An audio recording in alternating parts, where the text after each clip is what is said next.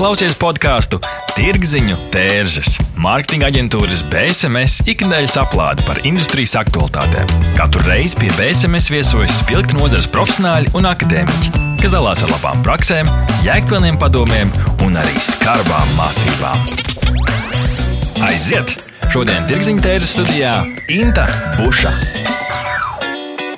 Esat sveicināti mūsu jau 70. epizodē, un šodien mēs runāsim par ilgspēju nedaudz no citas skatu punkta. Runāsim par komunikāciju, un mūsu šīs dienas epizodes nosaukums - Cik daudz atklāt patērētājiem. Ar mani šeit studijā ir Valdis Rieks Rieksniņš, uzņēmuma Amber Cosmetics, kas pazīstams ar zīmolu Vegan Fox valdes loceklis. Sveiks! Sveiki. Un Agnese Alksne Bensone, ilgadēja ilgspējas eksperte, CSR Latvijas līdzdibinātāja un valdes priekšsēdētāja. Sveika! Sveicināti. Un tad mans uh, pirmais uh, tāds ievada jautājums uzreiz ir atbildīgs mārketings. Uh, kas tas ir? Ko tas nozīmē? Ko tas nozīmē mums, marketingiem, ko tas nozīmē ekspertiem un uzņēmumu vadītājiem? Agnes? Es tieši par šo jautājumu. Pirmais vārds, kas iešāvās prātā, nu, ja mēs nerunājam par kaut kādām konkrētām definīcijām, ir nemelot. Tā ir tāda patiesība, nesamelota. Un, um, un man liekas, ka tas ir gan par um, sabiedriskām attiecībām, gan par mārketingu, jo meliem ir īsts kājas, mūsu agrāk vai vēlāk pieķers. Tad man liekas, ka tas ir pats pats pamats. Mm -hmm. Būt atklātiem. Būt atklātiem un nemelotiem, kas mm. tur ir iekšā. Jā, īstenībā bija arī līdzīga doma par to, ka, ka īpaši daudz kas cenšas iet tajā tirgu, un tad viņi izdomā visādus stāstus, lai tik izpatiktu, izpatiktu, bet tur nav tas kodols nav tā patiesuma iekšā, un tad tu agri, agri vai vēl attapsies, kad eh, tevi tomēr nemīlēs un vilsi, vilsies tevī. Vai jūs esat redzējuši varbūt tādas situācijas, kur ir tā saucamie baltie meli, kur uzņēmums varbūt viņi tā kā, kā to arī dara, bet varbūt nedaudz aiz matiem aizvelk un piepušķo savā komunikācijā? E, jā, to man liekas vislabāk e, var redzēt, e, tad, kad mēs redzam kaut kādu zīmolu nomaiņas, un, piemēram, kas bijis pirms tam sarkans un dzeltens, pēkšņi kļūst par zaļu un dzeltenu vai, tur, vai zilā krāsā vai kāda savādāk. Tu pie līguma, pie, tā, pie logo nomaiņām, pie rebrandinga var to redzēt, kas ir nu, bieži vien varbūt pa priekšu iet nekā tā īstā atbildīgā praksa uzņēmumam. Man ir uh, uzreiz uh, ja, nākošais jautājums, kā uzņēmumam komunicēt par ilgspēju. Tā ir mūsu arī iepriekšējā epizode. Un, uh, man uzreiz ir jautājums, jā, kā to integrēt savā mārketinga stratēģijā un vai vispār. Šobrīd man liekas, tāda ko komunikācija komunā ir tāds uh, uzskats vai trends, ka uh, jebko, ko tu dari, tu to dari caur atbildības prizmu. Ja tu nodarbojies ar, ar um, patērētāju izglītošanu, tu to dari caur atbildību. Vai tu, piemēram, vēlies veidot klienta attiecības, tad to dari caur atbildību. Ja tu taisi reklāmas materiālu, bukletu, tad tu arī skaties un vērtē, vai tur tiešām ir atbildīgi, nav kaut kāda stereotipa pārkāpta, vai, piemēram, man kaut kāds ziņojums neaizskar kādu no sabiedrības grupām. Uh, Tad, tad atbildības filtrs ir iestājies principā šobrīd, jebkurā darbībā, ko tu dari. Tā būtu tā labā praksa. Vai visi uzņēmumi to realizē? Es nezinu, mums ir bijusi diskusija par, ar mārketinga speciālistiem un ar klientu. Un tad eh, bija tā diskusija, vai man kā mārketinga speciālistam, cik tālu drīkstu es zinu šo visu atbildības faktorus, piespiest vai, vai pārliecināt to klientu darīt pareizi. Un, ja man klients uzstāja, ka nē, es tomēr gribu šo stereotipu, tur seksuāls vai tur konkrētā krāsa, vai, nu, tad, vai, es, vai es esmu tiesīgs atkāpties no šāda klienta vai norādīt klientam, kā tas ir tāds interesants jautājums, kā es uzvedīšos tajā brīdī, kad man ir klients tomēr ir varbūt netik izglītots. Mm -hmm. Tad tā jau ir tāda pašam arī atbildība. Tā ir dilemma. Tā ir uh, ekonomiskā dilemma un ētiskā dilemma, ko es darīšu kā mārketinga speciālists. Jo šobrīd tas trends ir, ka mēs filtrējam caur atbildības prizmu visu. Valdi pastāstīja, tad, kad jūs veidojāt zīmolu Vegan Fox, kāda bija jūsu uzreiz tās nostājas, vai uzreiz, ko jūs zinājāt, mēs šo darīsim, un šo mēs noteikti nekomunicēsim. Kā jūs komunicējat, un kāda ir jūsu stratēģija jūsu zīmolam? Mums tā kā nedaudz viegli bija, tāpēc, ka mēs esam mazs uzņēmums, nu, tas ģimenes uzņēmums, līdz ar to viss tas kodols un tas vilnis ir viens.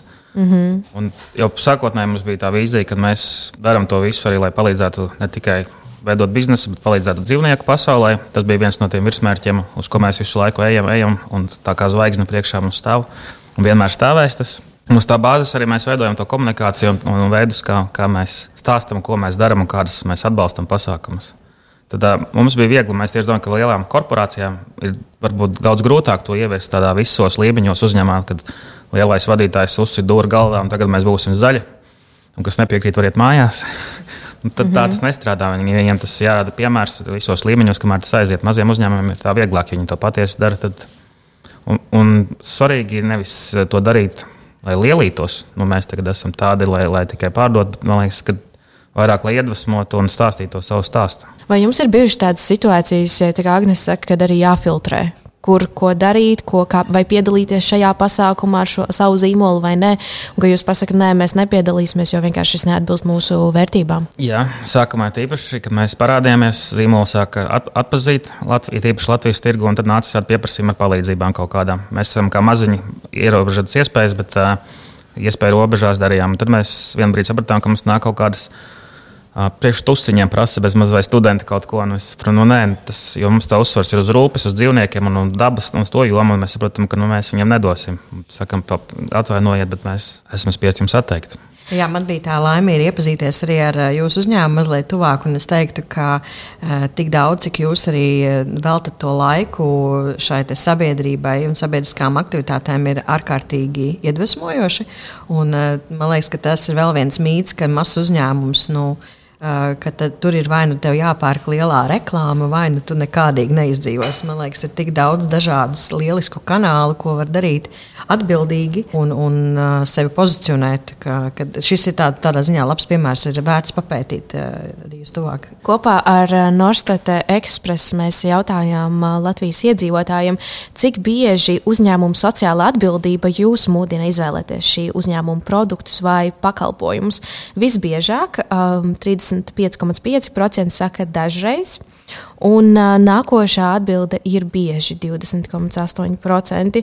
Um, tādi cilvēki, kas saka, reti, ļoti reti kopā ir apmēram 30%, nu tad katrs uh, trešais, bet vairāk kā puse tomēr jā, tad, uh, saka, nu, jā, mani mudina izvēlēties. Vai tas ir arī tas, ko jūs jūtat un redzat no savas uh, profesionālās prizmas? Man liekas, ka sabiedrība kopumā aug un vairāk sāk pievērst tam uzmanību, bet joprojām man liekas, ka ir ļoti liela daļa, kas tomēr paķer tos klasiskos mārketinga simbolus, atlaidi izpārdošanu, tad viņi reaģē bez, bez iedziļināšanās, jo tagad ir vienkārši atlaidi un tāpēc jāpērk. Bet, bet es zinu, ar vien vairāk cilvēku runāju, ka viņi saka, nē, šos es nepirkšu, un, un nē, šitie man patīk, vai nav vienalga ar akciju vai nav akcija, viņš tāpat tās pērk. Tā kā man liekas, ka tas iet tajā virzienā tā sajūta līmenī.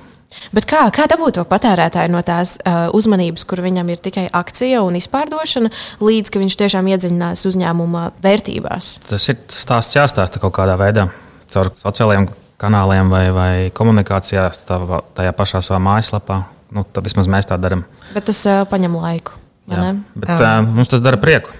Mums nav tas tā kā caur zobu sāpēm. Man patīk, ka tā pieeja, kad sabiedrība kļūst izglītota Latvijā, es nezinu, pieļauju, ka arī citās valstīs, bet caur krīzēm.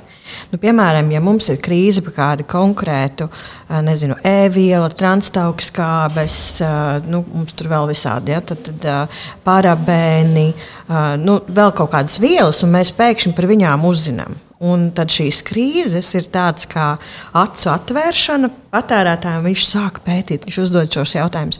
Un kaut kādā mērā es teiktu, ka šīs krīzes palīdz tam sabiedrībai augt. Un, protams, tie uzņēmumi, kas iekrīt šajās krīzēs un, un viņi varbūt zīmoli cieši, tad viņiem ir divi varianti. Vai nu viņi iziet um, pozitīvi ārā ar risinājumiem, ka viņi mainās, nu, vai tad otrs variants, ka viņi turpina to ignorēt, un tad mēs neredzam nekādas pārmaiņas. Bet visticamāk, arī produkts vairs netiek pirkts. Nav tādu gan pētījumu, bet Jā. šīs krīzes par to, ka mēs mākam izrunāt piemēram, šo vārdu transtaukskāpes, ja? vai kas tas ir, kā viņas radās, mēs, mēs zinām. Jā, tāpēc mēs mācāmies no krīzēm. Uzņēmumi vispār mācās no krīzēm. Bet no otras puses, tas, ka ir jānotiek krīzē, lai par to uzzinātu vai iedziļinātos tajā jautājumā, arī ir tāds nedaudz Red flag. Uh, jā, tas red flag ir tā, ka ja uzņēmums, um, tad, kad viņš parasti iet to tradicionālo ceļu, um, uzņēmums, kurš strādā nu, pēc iepriekšējām paradigmām, ja, ka viņš ir mārketings, tātad pieprasījums, piedāvājums, un ja uzņēmums netestē to vidi ik pa brīdim, kas notiek, kādi trendi, kādas vajadzības, tad uh, vienā brīdī ir ļoti grūti viņam nu, atpazīt, kad tas tā krīze tuvojās, viņš nav gatavs. Un, līdzīgi arī kā PR speciālisti, viņi mazliet ir tādi uz risku orientēti. Mēs jūs gribam pabrīdināt par to, kas varētu potenciāli notikt. Un, man liekas, ka tāda cilvēka komandā vienmēr ir vajadzīga, kur, tā, kur tevi tā, saka, brīdina par to, kas notiek. Ir arī metodas, kā to var izdarīt. Tā ir ietekmes pušu kartēšana, un mēs skatāmies, piemēram, nu, ja mēs esam pārtiks nozarē, vai, tur, piemēram, vegānisms jau kļūst par par trendu, vai tā ir tikai margināla, vēl pagaidām tāda mierīga auditorija, tad viņa palēnām aug. Un vienkārši runa par izvēlēm, vai mēs viņus piedāvāsim vai nē. Un tas uzņēmumam arī pieprasa tādu acu atvēršanu, jā. nedaudz kāda ir realitāte.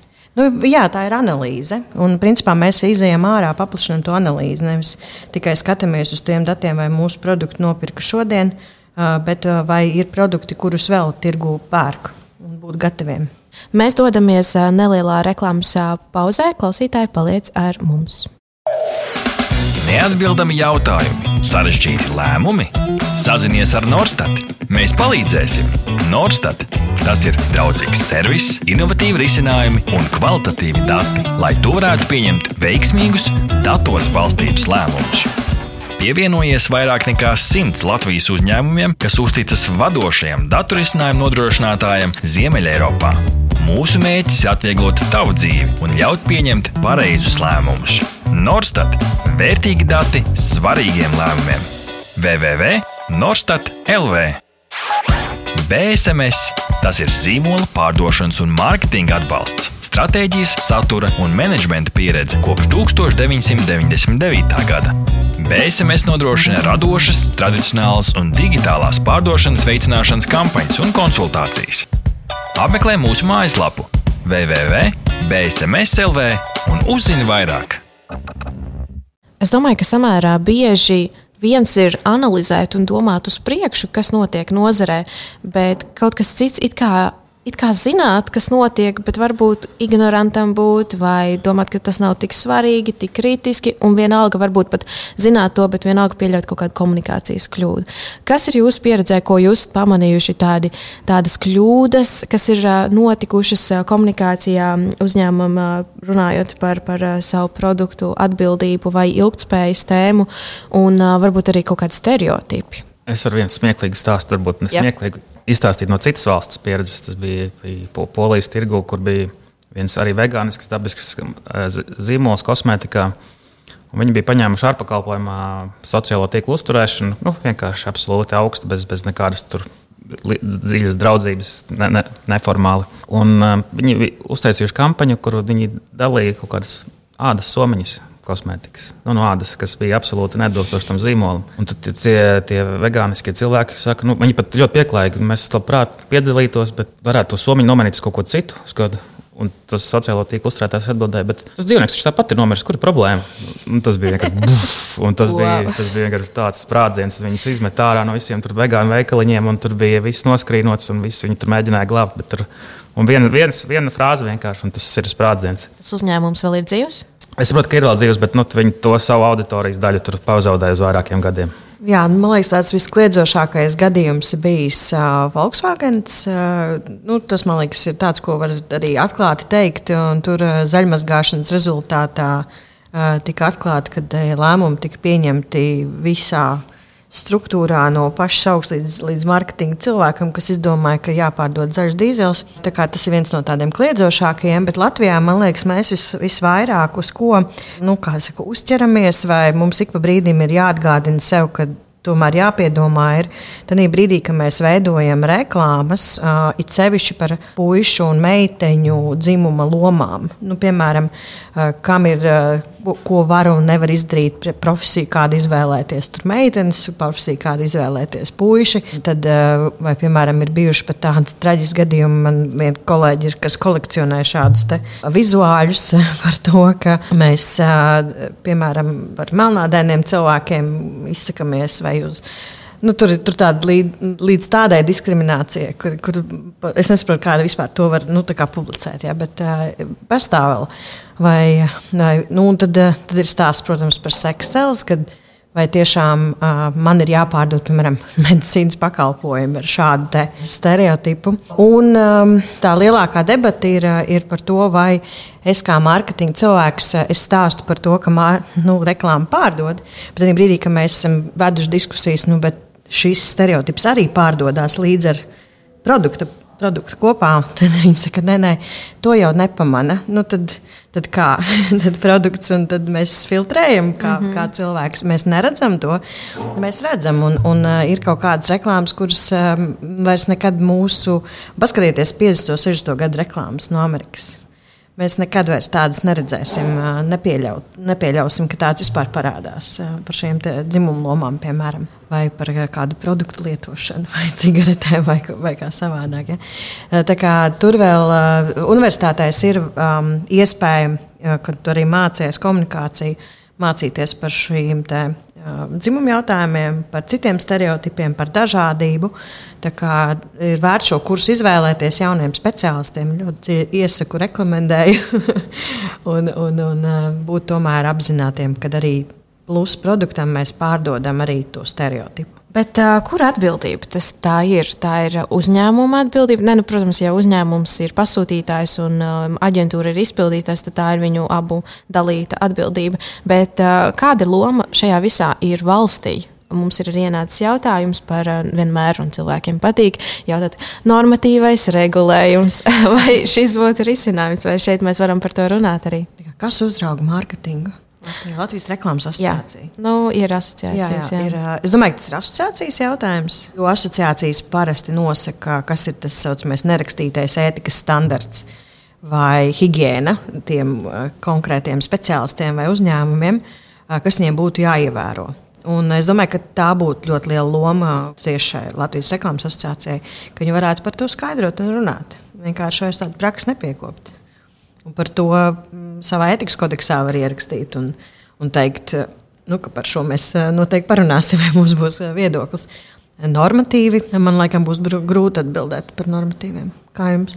Kosmētikas nozarē teiksim, ir veselības inspekcija, kas, kas aprakstus pārbauda. Mums arī vienreiz norādīja, ka mm -hmm. vajadzētu bišķi pamainīt to teikumu, ka to var pārprast. Un, to mēs arī pēc tam dabūjām pārdrukāt etiķetes, bet izdarījām. Uh, Bet tas bija absolūti nevis kā tāda represīva organizācija, bet tiešām viņi nāca ar tādu tā kā, rekomendējošā formātā, kā, kā sakārtot, lai, tas, lai nerastos pārpratumi un, un viss būtu skaidri nolasāms. Ja mēs runājam mm -hmm. par mhm. stereotipiem, tad tiešām tur normatīvais regulējums nē, bet uh, ir vesela virkne visādi citu aspektu, vai tie ir vidas vai darba, darba sociālai aspekti, ilgspējas. Nu, tur, tur ir regulējums, protams, un, un tur uh, dažreiz šī pāt, pātadziņa ir vajadzīga ne tikai burkāni. Protams, ir arī reklāmas likums, un reklāmas likums arī saka, ka maldinoša reklāma ir aizliegta.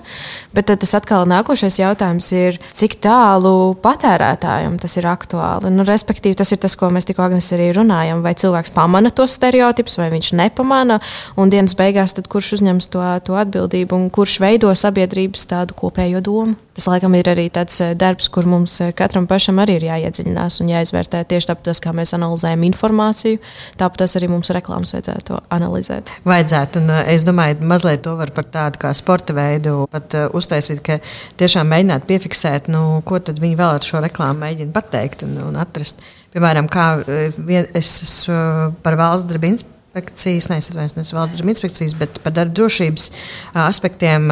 Vienu brīdī arī vāca informāciju, un man paziņa par to, kā mēs pozicionējam, ko nozīmē attēlināties darbs. Un tad bija kā zālītē sēžam, nu, neergonomiski pareizi, uz akmeņa, vai tur, piemēram, guļam, vai nezinu, tur tupus vai kā savādāk. Nu, tad, tad visa ergonomika pie darba, pie darbs pie datora ir absolūti. Mēs iemācām, ka tas ir tas elastīgais, attēlinātais darbs, kas patiesībā nu, tā nav. Mums vajag domāt par to, kā mēs sēžam pie tā gada. Tad mēs esam iemācījuši kaut kādu uzvedību ar šo reklāmu. Ar Norstata eksperta palīdzību mēs um, uzdevām um, arī šādu jautājumu. Cik lielā mērā jūs piekrītat apgalvojumam, ka uzņēmumiem ir jākomunicē iekavās reklāmās, medijos, digitālajos kanālos par to, ka tie ir sociāli atbildīgi? Un tad 55,5% uh, vairāk kā puse saka, drīzāk piekrītu, ka uzņēmumiem ir jākomunicē. 12% saka, nezinu, 21,8% saka, pilnībā piekrītu, ka ir jākomunicē. Tad tas, ko mēs redzam pēc šiem datiem, ka nu, tā tendence drīzāk ir tāda, ka cilvēki saka, ka ir par to jākomunicē, ka uzņēmums pats ir sociāli atbildīgs un viņi to sagaida. Un tikai 8,4% saka, drīzāk nepiekrīt, un 2% pilnībā nepiekrītu, ka par to ir jākomunicē. Kāda ir jūsu pieredze Vegan Fox komunikācijā par šo? Un vai jums uzreiz bija skaidrs, ka mēs par to komunicēsim, vai tas arī varbūt bija kaut kāds diskusijas jautājums? Mēs sapratām, ka mums jāstāsta tas stāsts savējais, lai mēs nu, tas ir arī veids, kā mēs mēģinām atšķirties nedaudz no kaut kādiem klasiskiem kosmētikas zīmoliem. Bet um, mēs mēģinām to pagriezt tā, ka mēs vairāk cenšamies iedvesmot vai arī mainīt kaut kādas lietas. Bet par to arī stāstam ar tādu domu nevis lielīties, bet uh, stāstīt, ko mēs darām. Pieņemsim, tagad tieši šobrīd notika balsojums par kažokzvēru audzēšanas aizliegšanu Latvijā kur mūsu vadītāji pavadīja būrī pāris dienas pie, pie, pie saimnes. Un, un tas bija absolūti no viņas dziļa pārliecība, nevis uh, redziet, ko es tagad daru, tagad pērciet mm -hmm. manas produktus. Tāpēc, tāpēc tas nāk no, no, no, no tās absolūtas iekšējās pārliecības. Un, un tas, man liekas, tad ir jāstāsta stāst, vai par to pašu Ukrainu. Mēs tur taisījām tos um, aizsargu uh, tīklus un, un sūtījām kosmētiku, jo viņiem bija teiksim, nepieciešami roku mazgājumie līdzekļi, bija pieprasījums, mēs aizsūtījām. Un, uh, arī tādā ziņā, lai iedvesmotu cilvēkus kaut ko darīt lai viņi neiet depresijā, jo tu sēdi un visu laiku domā, kādas šausmas, tu sāc kā, nu, sagurt no tā visa un, un stresot. Ja tu meties iekšā un dari, un mēs mēģinām ar savu piemēru parādīt, ka, ko var darīt tādas lietas un tādas lietas, un tā, tādā veidā mēs komunicējam. Mhm, un parādīt, principā, ne tikai patērētājiem, bet arī citiem uzņēmumiem, ka, hei, re, kur arī uh, Latvijas jā, mazais uzņēmējs var darīt lietas, un arī citi uzņēmumi jā, var sekot šim piemēram. Tas ir pozitīvi iedvesmošana visos līmeņos. Agnes, kāda ir tava pieredze iedvesmot un komunikācijā par sociālo atbildību? Labā ziņa ir tā, ka pēc šiem datiem uh, cilvēki grib zināt par uzņēmumiem, ko viņi dara. Un, uh, man pieredze ir tāda, ko līdz uzņēmums sāk par sevi pozitīvi stāstīt, vai nu ir viņam kaut kāda veiksmes stāsta, vai tās ir darba, darba attiecībās ar cilvēkiem, vai, vai vidas jautājumi, vai kāds konkrēts produkts, tad nu, ir diezgan pretīm nākoši gan mēdīji, gan, gan šie patērētāji. Viņi grib zināt, jo mums patīk tādas jaunas, svaigas, inovatīvas idejas un ka uzņēmums kaut ko izdara. Parasti uzņēmumi Latvijā kautrējās stāstīt par savu ziedošanas politiku, tieši kam viņi ir gatavi ziedot. Vai, um, piemēram, Covid pandēmijas um, sākumā arī tie ziedojumi, kas tika uh, doti, nu, viņi nepublicējās, jo viņi uzskatīja, ka tā ir tāda normāla prakse nu, to darīt. Līdzīgi arī par um, atbalstu Ukrainai. Tad, tad tur tad, tad viņi neuzskata, ka tas ir obligāti jāizstāsta. Viņiem liekas, ka tas izmanto to kā mārketingā. Bet es teiktu, ka tas nav mārketings, tas ir, tā ir tāda pozīcijas demonstrēšana, ka tu esi līdzatbildīgs par to, kas notiek sabiedrībā. Es domāju, ka varbūt tas varētu mainīties, kā viņi varētu tomēr nu, atklātāk stāstīt, ko viņi dara. Jo patērētājs grib zināt, tas ir ļoti pozitīvi. Bet tas noteikti ir arī jautājums par to, kā tas tiek komunicēts. Jo es arī biju pamanījusi tieši Ukraiņas kara kontekstā, ka bija tādi gadījumi, kad uh, patērētāji sociālajos tīklos aizrāda uzņēmumam, ka nu, kāpēc vienkārši nevarēja noziedot, kāpēc ir jāliek par to posts, kāpēc ir jāstāsta par to, ka jūs tur darat. Taču, nu tā, tā kā droši vien tas ir arī jautājums, kā uzņēmums uh, to nokomunicē. Jā, un tad man liekas, ir liela loma ir vadītājiem. Vadītājs kā personība, kurš var būt šīs ziņas paudējs, paskaidrojot, kāpēc viņi to dara. Un ka tas nav daļa no mārketinga. Tas ir tāds cilvēcisks faktors, kāpēc viņi uzskata, ka tas ir jādara. Es arī pievienošu, ka mums tieši bija diskusija par šo, kad sākās tāda Ukraiņas visas lietas, kad uh, mēs radītājā diskutējām, ka mēs, nu, mēs netaisīsim katra pirkuma kaut ko ziedosim. Cilvēks grib ziedot, tad viņš pats ziedo. Mēs kā rādījām to piemēru, ko, ko viņš pats var darīt. Un ko darām mēs nu, tādā, tādā griezumā? Bet personīgā, vai ne? Jā. Jā. Atbildot uh, uz šīs epizodes uh, jautājumu, cik daudz atklātu patērētājiem, kāda ir jūsu kopsavilkuma atbilde šo jautājumu? Man liekas, ka tagad tā tendence būt caurspīdīgākiem un caurspīdīgākiem iet uz priekšu, un, un uh, ja tev nav kā kaunēties, tad. Tad tu esi atvērts. ir pat bijuši paradoksi, ka tad, kad uh, sāk gatavot uh, nu, tādu lielu dokumentu, kā sauc ilgspējas pārskats. Pat ir kaut kāda darbinieka, kur izlasa viņu un saka, ka tagad es beidzot saprotu, ar ko uzņēmums nodarbojās. Ir sevišķi mēs runājam par tādiem lieliem uzņēmumiem. Kas uzņēmumam ir, ko viņš dara, kāpēc viņš dara, un ir šīs atbildes uz, uz, uz šiem jautājumiem.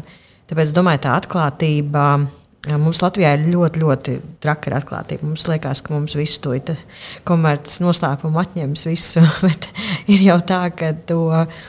Nu, ja atņems viņš kaut ko labāk izdarīt, varbūt tā arī vajag. Bet, bet, bet man liekas, ka tas lielākais iegūms tomēr ir tad, ja tu esi atklāts. Tad, nu, otrs varbūt pakautrēsies to izdarīt. Par tiem komerces noslēpumiem ir smieklīgi. Man vienmēr liekas, ja, ja ir tik viegli paņemams un atņemams un izdarāms labāk, tad jā. varbūt tas ir. Varbūt tā vajadzēja. jā, tieši tā. Labi, nobeigumā jūsu secinājumi, galvenās atziņas un ceļavārdi arī mūsu klausītājiem varbūt tādu novēlējumu formātā. Es novēlētu tas, tas, tas iesāktais ceļš, kas ir iekustējies, tā, tāda iekšējā sajūta, tad cilvēkiem vairāk pievērst pērkot, kas ir tie zīmoli, kas ir tas viņu stāsts. Un, ja tev tas uzrunā, tad izvēlēsies tās preces, nevis vienkārši instinktīvi kaut ko paķer, kas pirmais plauktā. Kas ir uz akcijas? Ja. Es saku tā, ka nevajag aizmirst, ka patērētājs ir karalis, viņam ir maks. Viņš ar savu maciņu balso.